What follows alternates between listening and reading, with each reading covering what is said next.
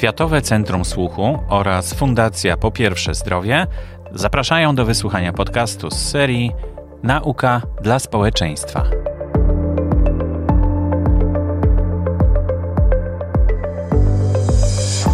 Przy mikrofonie Borys Kozielski, witam serdecznie w kolejnej audycji z serii Nauka dla społeczeństwa. Dzisiaj do mojego studia zaprosiłem przedstawicieli Polskiego Związku Pracodawców Przemysłu Farmaceutycznego i są to Barbara Misiewicz-Jagielak, wiceprezes Krajowych Producentów Leków. Dzień dobry. Dzień dobry. I pan Krzysztof Kopeć, prezes Krajowych Producentów Leków. Dzień dobry, witam. Y, chciałem się zapytać, jak ma, mają się polscy producenci w dobie pandemii? Czy właściwie tak, no wiadomo, że ona już wygaśnie, prawda? Wiadomo, że to już takie ostatnie, ostatnie tchnienie, ale to dzięki również e, przemysłowi farmaceutycznemu, może tak szybko zmobilizował się i był w stanie wyprodukować szczepionkę. Krajowi producenci leków e, to jest związek, który reprezentuje e, firmy, które produkują leki w Polsce, zarówno firmy polskie, jak i, jak i firmy zagraniczne. E, I ta pandemia była także dla nas olbrzymim wyzwaniem. Wiele działo się na rynku farmaceutycznym i na rynku leków. Zmieniła się struktura tego, co kupowali pacjenci i co było potrzebne dla, dla pacjentów. Wiele z tych leków, które wcześniej były w dużo mniejszych ilościach potrzebne, teraz trzeba było dostarczyć. I to, czego nauczyła nas pandemia, to to, że musimy liczyć na siebie. E, każdy kraj musiał liczyć na siebie, bo zamykały się granice, zamykały się całe kontynenty, cała Azja się zamknęła nagle w pewnym momencie na dostarczanie do Europy i Europa na dostawy i poszczególne kraje. W związku z tym my musieliśmy stanąć na wysokości zadania i to, co mieliśmy w magazynach, prze, e, przekształcić tą produkcję w ten sposób i tak ją zorganizować, żeby polskim pacjentom tych leków nie brakło i to się udało, jeśli chodzi o krajowy, krajowy przemysł. Jeśli można coś dopowiedzieć, to pan też zwrócił uwagę. Pandemia skojarzył pan y, y, od razu ze szczepionkami, a proszę pamiętać o tym, że pandemia nie zatrzymała chorób przewlekłych ani innych chorób. Toczyły się dwie jednoczesne, w tym samym czasie toczyły się dwie walki walka o chorych na COVID i walka o pozostałych chorych. Mhm. to była walka na korzyść, przesunięta na korzyść walki z, z COVID-em. Natomiast i problem był ogromny z dostępnością do, do, do, do lekarzy z innymi, z innymi schorzeniami i był również problem z dostępnością do, do, tych, do, do leków leczących te choroby, ze względu na to, że pandemia wpłynęła na dostępność wszystkich leków. Nie wiem, czy pan wie, ale... To znaczy właśnie przez te zamknięcie granic na przykład. Nie tak? tylko, nie tylko, bo nie wiem, czy pan wie, ale y, Europa i Polska uzależniły się kilkadziesiąt lat temu od, y, od dostaw i produkcji substancji czynnych. To są te substancje niezbędne do produkcji leków, które się przeniosły do Indii i Chin, bo tam było taniej, tam było dość, dość dobra, dość, dość wysoka jakość i ci producenci europejscy i polscy po prostu musieli zrezygnować z produkcji, no bo byli niekonkurencyjni cenowo. Azja miała, jak wiemy, ogromne problemy z COVID-em, zamykane były fabryki i tych, ta produkcja była niewystarczająca, w związku z czym produktów e, leczniczych na, na, na rynku światowym było, było za mało i zaczęła się konkurencja. Mhm. Potem były zamykane fabryki i tutaj dla, dlatego to, co, o czym powiedział Krzysztof, że to, że to był taki, my z, te, z tego jesteśmy szczególnie dumni, że nam się udało dla polskich pacjentów te leki dostarczyć na te choroby przewlekłe. No ale to co, to co z tymi y, produktami, znaczy tymi y, surowcami, które do tej pory kupowaliśmy w Chinach, tak, czy w Azji? I, i, I, nadal je kupiliśmy, tylko odpowiednio wcześniej, Aha. ponieważ się, firmy są doświadczone, na, doświadczone w, w, tej swojej profesji i w, dzięki, dzięki konsultacjom z lekarzami myśmy wcześniej wiedzieli, jakie leki będą potrzebne jakich leków będzie więcej potrzebnych niż, niż dotychczasowo, a, a, a, a zapasy tych, które normalnie produkujemy, musieliśmy zwiększyć. Dzięki naprawdę ogromnej zapobiegliwości, mądrości i takiej odpowiedzialności tych, tych krajowych producentów, tak jak powiedział Krzysztof, nie tylko polskich, ale ci zagraniczni, którzy w Polsce mają fabryki leków, no dzięki temu nie doszło do kryzysu lekowego, mm -hmm. bo nie, nie, dosyć, że na, naprawdę na głowie stawali i, i, i, sprowadzali substancje czynne z zagranicy, ale to nie tylko substancje czynne, pomocnicze, opakowania, to jest cały naprawdę ogromny rynek i łańcuch, łańcuch dostaw. I bardzo często kupowali je pod, dużo drożej, sprowadzali je okrą, okrężnymi drogami, ale dali radę. Nie było, nie, nie słyszał pan chyba o żadnym wielkim kryzysie w, w czasie trzeciej, trzeciej No fali. nie, ale To w innym dzięki. kraju jakimś były takie kryzysy? To znaczy, Były, były, brakowało leków. Powiedz Krzysztof, bo Tak, do tak. b- docierało. Było tak, że w którymś momencie do nas dzwoniono na przykład czy z Portugalii, czy z Czech, e, czy ze Słowacji i rzeczywiście tam brakowało leków, o których może mało się mówi, one są mało medialne versus szczepionki, natomiast brakowało leków podstawowych, takich w leczeniu szpitalnym. Brakowało silnych antybiotyków, brakowało leków e, zwiotczających do podłączania do, do sztucznej wentylacji, czyli respiratorów. I stanęliśmy w takiej sytuacji, że z jednej strony bardzo głośno jest mowa o szczepionkach, z drugiej strony nikt nie zdaje sobie sprawy, ile pracy było potrzeba, żeby cała reszta systemu funkcjonowała, bo nie stanęły apteki i nie stanęli producenci leków. To jest chyba jedyne dwa ogniwa, które w tym systemie ciągle funkcjonowały, także w pandemii pełną parą, tylko my musieliśmy jeszcze do tego całkowicie zreorganizować tą produkcję, o czym mówiła Barbara, żeby dostarczyć te leki, które były kilka tysięcy procent nagle więcej, trzeba było zapotrzebowanie na niektóre antybiotyki, na niektóre e, leki właśnie zwiotczające, czy choćby na wodę rozcieńczającą szczepionki, tak, później. Mhm. I to wszystko robili krajowi producenci. I e, no, czyli brawa w takim razie, tak? E, Poradził sobie polski przemysł, ale to dzięki zapobiegliwości, tak jak e, państwo mówią, tak? Tem, temu, że przewidziano jak gdyby, że I może taka sytuacja wystąpi. I odpowiedzialności, bo tak jak mówiliśmy, produkcja nas kosztowała dużo więcej. Same produkty, dłuższe, dłuższa y, droga dostaw, czyli droższa. Dużo czę, czę- często było tak, bo mm, y, Tutaj wszyscy myślą stereotypowo, że, że Chińczycy to są tacy mili, sympatycznie uśmiechnięci ludzie, kłaniający się nisko, którzy wszystko tanio produkują, a to są bezwzględni przedsiębiorcy. Jeżeli, y, jeżeli ma do y, wyboru stałego klienta z, z Polski, miłego, albo mm, klienta, który zapłaci dwa razy więcej, to oni bez wahania wybiorą tego drugiego klienta, tam nie ma umów dżentelmeńskich i tak dalej. W związku z czym musieliśmy często wykładać gotówkę i płacić dużo więcej niż, że- żeby dostać. No żeby tak, ale dostać to, ten to, sam są, to, nie są, to nie są warunki, które Chiny postawiły, tylko to raczej ten świat zachodu postawił warunki Chinom, tak? Że tutaj biznes jest najważniejszy i Nie, to jest kwestia mentalności. U nas obowiązują jednak, mm, je- jeśli, jeśli mm, Europejczycy ze sobą y, współpracują, są przyzwyczajeni do pewnych zasad, tam te zasady są inne. Ja nie mówię, że gorsze, one są po prostu inne. W związku z czym my byliśmy często stawiani w takiej sytuacji, że albo zapłacisz dwa razy więcej, albo nie dostaniesz produktu. A to dotyczyło produktów ratujących życie. I tak jak powtarzam jeszcze raz odpowiedzialność. Naprawdę zarządy tych krajowych producentów stanęły na wysokości, na wysokości zadania i naprawdę to nie musi być państwowa firma, żeby tak odpowiedzialnie, mm, odpowiedzialnie mm, postąpiła, bo po pierwsze, fabryki były nastawione na leki ratujące życie, to była pi- pi- pierwsza produkcja i na produkcję do Polski, pomimo tego, że tak jak powiedział Krzysztof, dostawaliśmy oferty z innych krajów, żeby, żeby tam dostarczyć leki kilkukrotnie drożej. Natomiast tutaj to jednak było takie w pełni odpowiedzialne i dzięki temu tylko nam się udało, bo, Mhm. bo gdyby A czy spadło zapotrzebowanie na te leki? Mm, W ogóle w, no, w okresie pandemii wszyscy się nastawili na, na szczepionki, właśnie na, na inne choroby. Nie były leczone, tak jak pani mówiła, tak, te pozostałe. dokładnie tak. Czyli spadło zapotrzebowanie. Na, na część leków spadło zapotrzebowanie, bo pacjenci, część, było, część, część sytuacji było tak, że pacjenci bali się chodzić do, do lekarzy.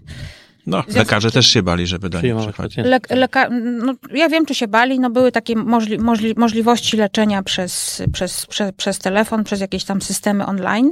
No w każdym razie dostęp do lekarza był dużo gorszy. Dostęp do leczenia szpitalnego był, Tak, był, tak. był, był dużo gorszy. To było oczywiste, no bo jednak system ochrony zdrowia ma pewn, w Polsce pewną wydolność. Tutaj została ta wydolność przekroczona przez, przez tą walkę z COVID-em i z, i z całą tą pandemią, w związku z czym no, te podstawowe choroby często były nieleczone. Mówi się o tym długi, długu takim zdrowotnym, który Mhm. Teraz nam- będziemy spłacać. który będziemy Mhm. spłacać. Natomiast jeśli chodzi, mm, no wspomniał Pan o tym, że firmy miały dobrze w COVID-zie, no to, to, to ja nie, nie, nie, nie potwierdzam. Znaczy ja tego. myślę, że dużo zarobiły, tak? No, Znaczy, i właśnie to jest ten I mit, dystrybutorzy, To jest trochę i- ten mit, którym y, y, żyjemy, bo nasze firmy e, w tym, w tym okresie musiały bardzo wiele przeorganizować. Trzeba było zmienić całą produkcję, bo żeby produkować nadal i pełną parą, trzeba było tych ludzi zabezpieczyć przed kontaktami między sobą. A szczepionek trzeba... przecież nie produkowały tak, szczepionek, na COVID. Szczepionek nie produkowały. Tak. Jeszcze wtedy ich w ogóle nie było, tak?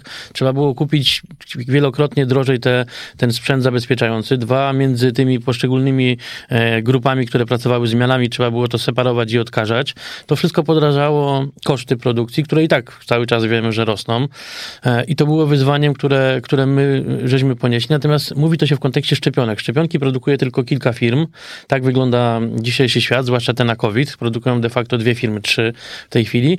I być może one rzeczywiście na tych szczepionkach zarobiły, ale one też dostały olbrzymie dotacje ze strony państw. I to jest też pytanie do nas, taka nauczka po covid że my mamy przemysł, który potrafił sam się zmobilizować e, i odciążyć y, ministerstwo od tego, że bleków nie będzie brakowało, bo ani minister nie miał z tym problemu, ani pacjenci, bo my żeśmy robili swoje.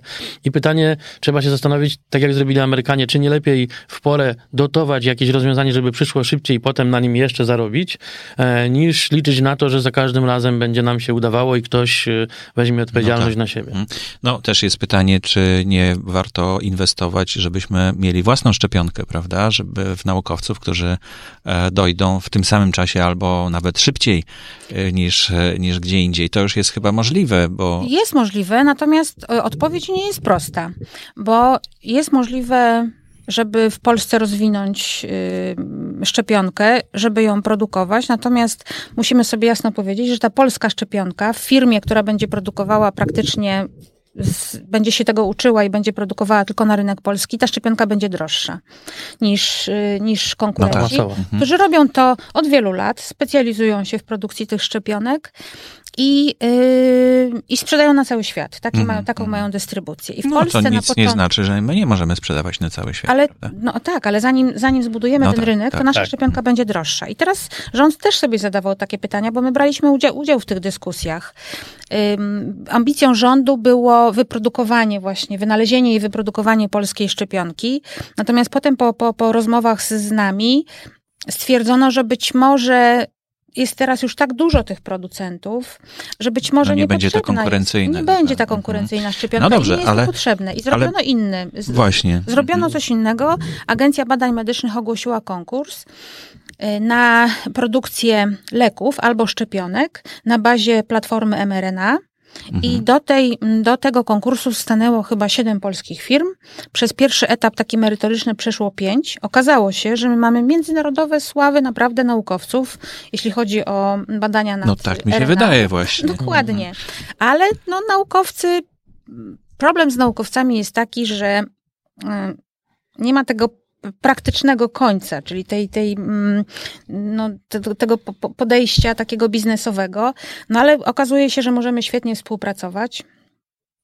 I wyprodukujemy, zobaczymy. No, jest bardzo dużo pomysłów. No teraz jest walka o to, żeby wymyślić lek na COVID, prawda? Bo szczepionki już mamy i to dużo, i, i jest właściwie produkcja idzie pełną parą, ale potrzebny nam będzie lek na to, żeby leczyć tych, którzy już są chorzy na COVID. To chyba też e, jest jakiś wyścig w tej chwili, tak? Tak, ale to raczej tak, takich tak. firm światowych. My jesteśmy, wszystkie firmy się specjalizują.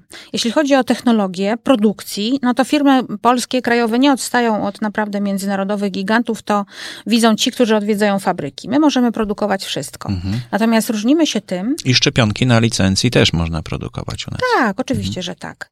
Natomiast y, my się różnimy tym od tych, od tych gigantów, od tych, od tych producentów, producentów, jak to mówią, innowacyjnych tym, że my nie rozwijamy nowych cząsteczek, tak? Bo my ro, ro, rozwijamy leki generyczne.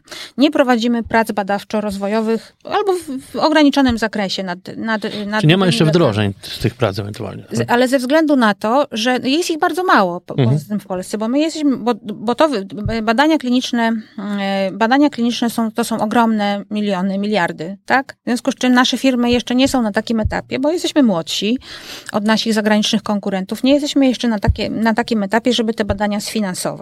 Nasze państwo jeszcze też nie. W związku z czym my też kiedyś do tego dojdziemy. Na razie zajmujemy się rozwijaniem i unowocześnianiem leków, biologi- leków generycznych, leków biologicznych, no i też teraz na ta, ta, ta trzecia nóżka to będą leki na bazie platformy mm, mRNA. Mhm. To też mogą być leki onkologiczne. No bo to jest taka tak trochę rewolucja, która tak, Tak. się jak gdyby przem, przemknęła przy okazji COVID-u, prawda? No to można znaczy, powiedzieć, że to ta te mRNA, ta platforma mRNA to jest dzięki COVID-owi. To jest chyba jedyne, bo to jest rzeczywiście bardzo obiecują, obiecująca platforma. Na tym można b- produkować leki. To jest taki nośnik. Na tym można produkować szczepionki i, dłu- i gdyby nie, nie ta sytuacja ta pod, podbramkowa, to by jeszcze długo, długo było czasu, że czy, Każdy kryzys przyspiesza rozwój też Do- jako tak, efekt tak. uboczny i tym rozwojem jest mRNA i dobrze to, o czym mówiła Barbara, że e, Agencja Badań Medycznych taki konkurs ogłosiła i że jest szansa, że ta technologia do nas przyjdzie, tak? Bo e, kiedyś te leki będą potrzebne i to nie jest ani pierwsza, ani ostatnia zapewne pandemia, którą gdzieś e, na przestrzeni następnych dziesięcioleci może nas spotkać. No ja myślę, że należy się spodziewać e, dużych wyzwań, dlatego że przecież obserwujemy e, lekooporność, tak? to znaczy antybiotykoodporność e, i, i te bakterie, bo mówimy o wirusach, tak, ale bakterie też e, kombinują cały czas, jak nas tutaj zjeść i jak nam się, jak nas No wykorzystać. I tu prawda? właśnie jest potrzebny przemysł ten, o którym, który my mamy teraz w tej chwili, czyli nasz przemysł e, równoważny, ten generyczny, bo my udoskonalamy też rozwiązania, które funkcjonują od lat. E, ja podaję proste przykłady, że kiedy ja byłem młody, pamiętam antybiotyk dostawałem w zastrzyku, cała noga mi drętwiała, e, nie chciałem iść, żeby brać ten antybiotyk. Teraz dzieci wybierają, jaki wziąć smak, e, czy to będzie syrop malinowy, czy porzeczkowy, e, czy, czy tabletka, która się rozpuści przypoliczkowo, tak? Więc ten postęp efektywnie przekłada się na raz komfort pacjentów, dwa zmniejszenie obciążeń też systemu, bo już nie trzeba iść do ambulatorium na zastrzyk. I tak samo jest z tymi lekami na przykład opornymi bakteriami na, na kolejne antybiotyki, bo ten przemysł poszukuje, żeby znaleźć też takie antybiotyki, żeby je produkować, żeby unowocześnić, żebyśmy wiedzieli, że ta walka, e, że będziemy ciągle z przodu, jeśli chodzi o, o, o świat i o, i o naukę i o lekarzy, tak? Bo oni muszą mieć jakieś narzędzia, a my jesteśmy tym, który tych narzędzi dostarcza. Oczywiście możemy sobie powiedzieć, i to powiedziała kiedyś Europa, pan zwracał na to uwagę, że kupmy wszystko taniej, kupmy wszystko z Azji. To jest trochę oszukiwanie się tak samo jak z ochroną środowiska, bo możemy powiedzieć, że kupimy z Azji i wcale nie widzimy, że tam coś leci do rzeki i że to wróci w całym e, obiegu planety do nas. Tak samo jest z lekami. Możemy sobie powiedzieć, że je wszystkie kupimy z Azji tanio, kupimy, ale kiedyś, i to widać w tej chwili, yy, także Chiny zrozumieją, że trzeba chronić środowisko, to się dzieje. Nie wiem, czy pan słyszał teraz o kryzysie energetycznym w Chinach, bo niektóre prowincje wyczerpały swoje limity na zużywanie zanieczyszczeń i mają wyłączany prąd. Z 30 prowincji 16 ma włączanych czasowo prąd, bo No bo wyczerpały tam też te jest węgiel chyba tak, głównym. I, tak, i oni też chcą to ograniczyć, mimo że cały czas rosną. I co to spowoduje? Spowoduje, że koszty będą rosły i w którymś momencie dojdziemy do tego, że wcale się nie będą różniły tak dramatycznie do europejskich, tylko że my ten know-how tych leków, które już są pewnie off patent, ale, ale cały ten know-how i cały ten system dotyczący substancji już żeśmy e, wyeksportowali tam, a teraz wyeksportujemy know-how produkcji leków, więc Unia w Odbudować krajowym, tak, krajowym planie odbudowy mówi o tym polski rząd, ale też e, w recovery planie Unia Europejska, żeby przywracać tą produkcję do Europy i tworzyć ją bardziej zieloną, bardziej przyjazną środowisku, ale też bliższą nam tutaj, no bo żeby zachować te kompetencje. Natomiast czy eksperci od bezpieczeństwa zaczynają porównywać bezpieczeństwo lekowe do bezpieczeństwa militarnego. I tak właśnie mówią, patrząc tak No jest to broń. Można po- pomyśleć, że to jest broń, bo jeśli Chiny by na przykład zablokowały w ogóle dostęp do tych substancji, tak, No ale czynnych, nawet nie, nie, nie, to nie muszą być Chiny. Mhm. Trzeba było, proszę spojrzeć, jak wyglądała sytuacja na początku pandemii. Większość krajów pozamykało granice. Polska też na leki. W związku z czym nawet w zaprzyjaź- od krajów zaprzyjaźnionych przez pewien czas nie mogliśmy leków dostawać, tak? A wyst- nie wiem, co może być groźniejsze, jakiś tam konflikt zbrojny, czy brak leków ratujących życie przez jakiś okres, tak? Na nadciśnienie powiedzmy. W związku z czym ym, eksperci też mówią, że tak jak em, specjaliści od, od, od wojska, od obrony, od obrony granic przygotowują się podczas spokoju, Mhm. inwestują i tak dalej. I nie kupują najtańszych y, czołgów z Chin, tak? Kupują bezpieczne i porządne, tak?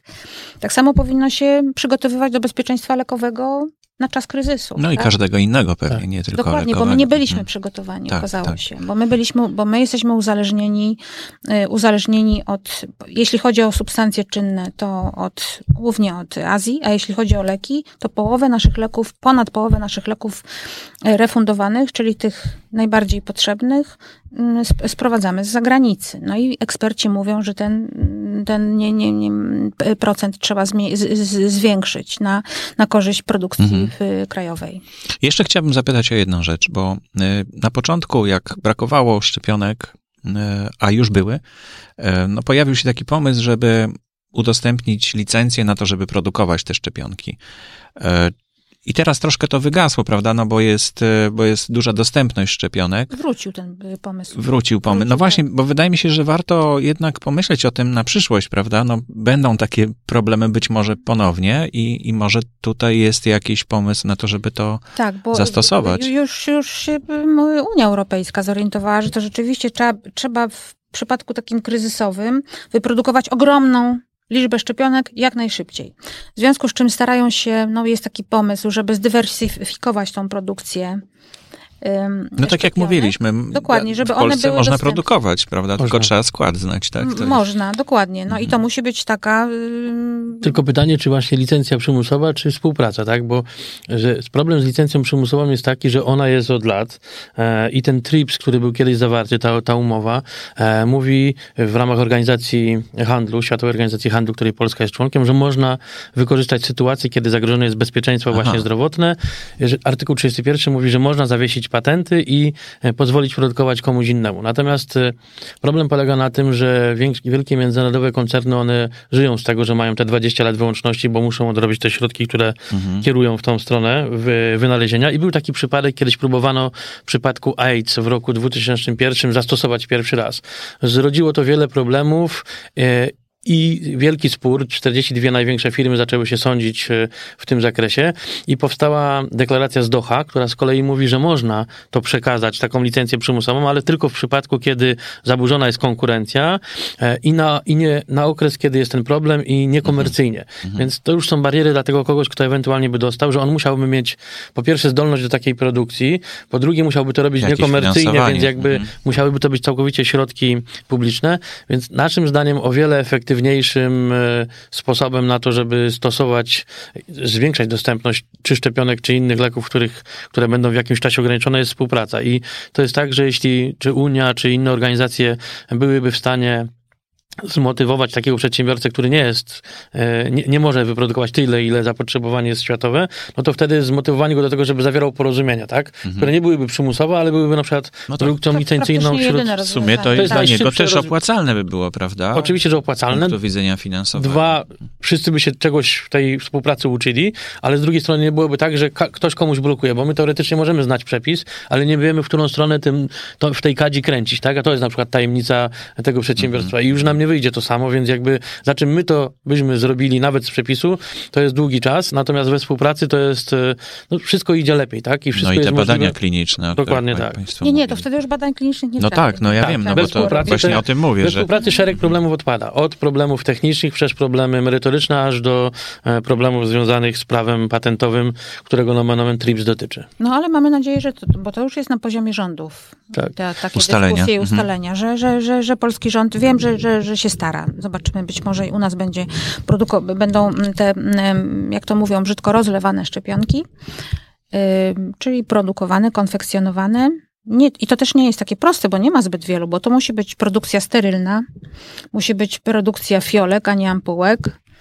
No ale są takie fabryki. Niska temperatura musi być zachowana też, prawda? I niska Przy, temperatura, ale to, to wszystko jest do, do, do w Polsce do, do, do pokonania, naprawdę. Czyli mamy już infrastrukturę do Infrastruktura tego. Mhm. jest i, i tak, no, wy, wykwalifikowani pracownicy. No świetnie. Czy jeszcze o czymś powinniśmy powiedzieć? E, w kontekście właśnie tego, no tej pandemii naszej, która. No mówił pan o. Już mam nadzieję odchodzi. O, o, mówiliśmy o pomocy rządów. Rządy wspierały y, prywatne firmy y, farmaceutyczne w rozwoju y, szczepionek. My apelujemy o to, żeby Polski... Znaczy u nas też było takie wsparcie? Czy, czy przemysł odczuł takie wsparcie ze strony To znaczy myśmy nawet rządu? w czasie pandemii nie, nie, nie, nie prosili. Były takie, takie na, na, na granicy, to, to rzeczywiście mogliśmy liczyć na takie wsparcie rządu, natomiast my bardzo liczymy na takie wsparcie... Mm, ciche, jak mają y, producenci zagraniczni, którzy mają swoich ambasadorów. Y, polski producent nie, nie wygra we Francji czy w Niemczech przetargu, a w Polsce w ogóle nie ma problemu. To jest taka, taka, taka, takie wsparcie państwa. Chcielibyśmy, żeby też, jeśli chodzi o politykę cenową, żeby była zróżnicowana wobec polskich i zagranicznych producentów, mhm. bo my jednak tu produkujemy, dajemy miejsca pracy, płacimy podatki. No i też zwiększamy bezpieczeństwo. Tak. No i tak? przede wszystkim zapewniamy Żeby to wycenić też, spojrzeć na to z punktu widzenia wyceny, bo my nie oczekujemy, żeby państwo dało nam dodatkowe środki albo pozwoliło podnieść ceny. E, my oczekujemy tego, żeby nam nie rodowało tych cen w takiej skali, jak oczekuje na przykład od dostawców chińskich, bo my rozumiemy, czem, dlaczego oni oczekują od nich obniżek, tak? Mhm. E, natomiast dlaczego te obniżki są oczekiwane od naszych producentów, kiedy oni wzięli na siebie ciężar walki właśnie w pandemii albo kiedy te koszty rosną, tak? Bo wszyscy wiemy, jak wyglądają koszty różnych artykułów, które kupujemy, czy chleba, e, czy warzyw, czy mięsa. Wszystko to wcale nie tanieje, czy prąd. E, w, także w przemyśle farmaceutycznym, zwłaszcza na przykład koszty dotyczące ochrony środowiska, one na przestrzeni ostatnich lat wzrosły 150%. I my nie oczekiwaliśmy dodatkowych podwyżek cen, ale też oczekujemy z kolei tego, żeby nie erodować tych cen i tym krajowym producentom pozwolić funkcjonować, zachowując ich zdolność do inwestycji. No bo w przemyśle farmaceutycznym, jak w każdym dynamicznym przemyśle, jest tak, że albo inwestujesz, albo giniesz. I my musimy mieć środki, żeby reinwestować i, i rozwijać kolejne etapy, czy sprowadzać nowe technologie lokowe, nowe leki, zaczynać produkować w Polsce. A my dajemy dodatkową wartość, która, o której się nie mówiło. Kiedy oni opowiadaliśmy, opowiadaliśmy 5 czy 7 lat temu, to na niektórych konferencjach ludzie się zaczynali uśmiechać i mówić, dlaczego wy mówicie o bezpieczeństwie lekowym, to jest w ogóle niepotrzebne. W każdej chwili można przywieźć e, z Chin i to zajmuje jeden dzień. I tak, tak. było. I tak było rzeczywiście. To. Oni się uśmiechali, aż przyszedł COVID i, większość z nich przestała się uśmiechać, tak? Bo wszyscy się zamknęli w domach i, Czyli i nie to jest problem, który jest widoczny, tak? To znaczy nie jest to takie, że e, że to jak gdyby przeszło, bo, bo byliśmy bezpieczni, bo jakoś tak, sobie poradziliśmy z tym problemem. Myśmy zauważyli, mhm. myśmy zauważyli jeden problem. Ponieważ yy, generalnie takim ambasadorem każdego sektora, również przemysłu farmaceutycznego, jest minister y, gospodarki, odpowiedzialny za gospodarkę. Natomiast ustala ceny minister zdrowia. I oni w naturalny sposób nie mają wspólnych celów, bo minister zdrowia chce kupić jak najwięcej zdrowia za jak najmniejsze pieniądze, to jest zupełnie naturalne, prawda? Że on, mhm. tak, że on tak chce, chce i, i będzie dążył do obniżek cen. Bo ma ograniczone też. Bo ma ograniczone tak. środki, tak. To nie jest tak, że on dostanie pieniądze na wszystko, co, co, co, co, co, co wymarzą sobie pacjenci i lekarze. W związku z czym w ramach tego, mm, tego mm, budżetu musi się zmieścić i, i, i kupić jak najwięcej tych leków. Minister y, rozwoju mówi tak, to jest, mm, stawiam na was, to jest gospodar, to jest sektor y, nowoczesny, wysoko inwestujący, y, dużo eksportuje, to jest sektor innowacyjny. Ja stawiam na ten przemysł. I problem jest właśnie taki, że. Tak.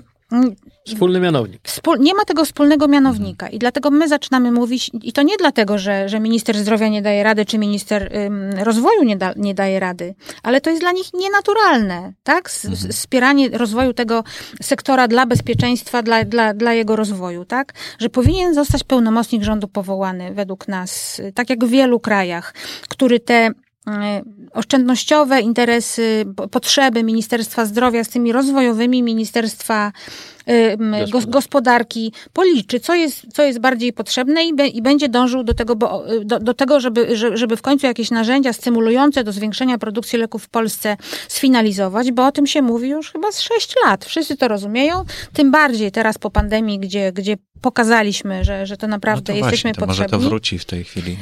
Ale nie, nie wraca za bardzo, bo nie ma tego, tego bo, bo to powinien być rzeczywiście rządowy projekt, a nie ministerialny. I tylko wtedy to się uda, naszym hmm. zdaniem, bo to zbyt długo trwa, a z roku na rok udział producent, produkcji krajowej yy, niestety maleje w refundacji. No tak, czyli że trzeba uważać, żeby nie przegapić tego punktu tak. krytycznego, no nie ma, prawda? Dokładnie, bo, bo to... zniknie nam ten przemysł tutaj w Polsce i co? A, od, a, odtworzyć trudno, bo, mhm. bo no, myśmy stworzyli taką historię, nawet rysunkową, miasteczko leków. Zanim powstanie lek, y, najprostszy, najprostsza tabletka, to musimy to miasteczko wybudować. Hale produkcyjne, mhm. magazynowe, laboratoria badawczo-rozwojowe, oczyszczalnie ścieków, Całe to miasteczko musi powstać, zanim powstanie jedna najprostsza y, tabletka, jakaś tam postać leku. W związku z czym, jeżeli to się nastawi na przykład na, y, na produkcję leków OTC, albo, albo w ogóle tylko na pakowanie, polski producent też może y, kupować wszystko w Chinach i tutaj tylko pakować i wtedy będzie tanio, tak? Natomiast to bezpieczeństwa lekowego nie da. Mhm. Dlatego też szkoda, y, szkoda zmarnować tego, co. No, co miejmy nadzieję, że te wnioski po pandemii e, i, i, te doświadczenia zostaną wykorzystane. No i poprawi to nasze bezpieczeństwo i, i będzie po prostu lepiej, tak? No też mamy taką nadzieję nadal.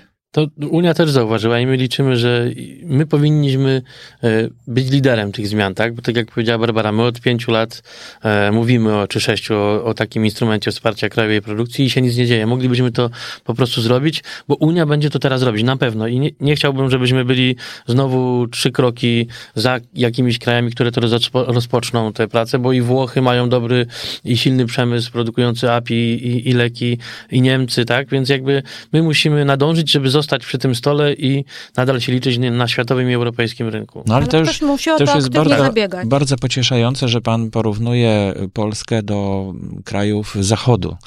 E, bo do tej pory, do tej, a tak, ale do tej pory to my raczej się porównywaliśmy tutaj w bloku wschodnim, prawda? Natomiast e, to jest znaczące, wydaje mi się, i takie, no takie bardzo pocieszające, że już nie, nie próbujemy dorównać, czy, czy być przodującym tutaj w tym naszym bloku postkomunistycznym, tylko że e, za wzór mamy Włochy, Francję e, i Niemcy, prawda, które no, od wielu, wielu dziesiątków lat miały zupełnie inne warunki do rozwijania tego przemysłu. No tak, ale oni rozdają karty w Unii Europejskiej i oni zapewnią swoim, e, swoim krajom mhm. najlepsze, no to, to właśnie kąski, tak, które no, przynoszą no nie, tak. nie, tylko bezpieczeństwo, ale, ale też dochód narodowy zwiększają. To też świadczy o tym, że pozbywamy się takich kompleksów i A my kompleksów nie mamy. Jeśli chodzi o przemysł farmaceutyczny, tak. nie mamy, nie mamy problemu. Każdy, kto przyjeżdża odwiedzać polskie fabryki w Polsce, jest zdziwiony, na jakim poziomie my. No to ja czekam w takim razie na pierwszy lek na COVID, na przykład pierwszy lek w jakiejś innej dziedzinie, który czeka... powstanie w Polsce, a nie, Ale myśli pan, a nie za granicą. My tak myślimy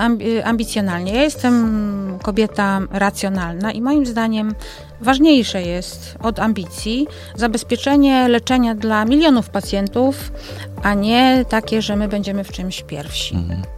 Niemcy postawili na produkcję generyczną i nie czują się jacyś mm, gorsi. Mhm. Pani Barbara Misiewicz-Jagielak, wiceprezes Krajowych Producentów Leków. Dziękuję bardzo. Dziękuję I pan Krzysztof Kopeć, prezes Krajowych Producentów Leków. Dziękuję byli moimi gośćmi. Dziękuję bardzo.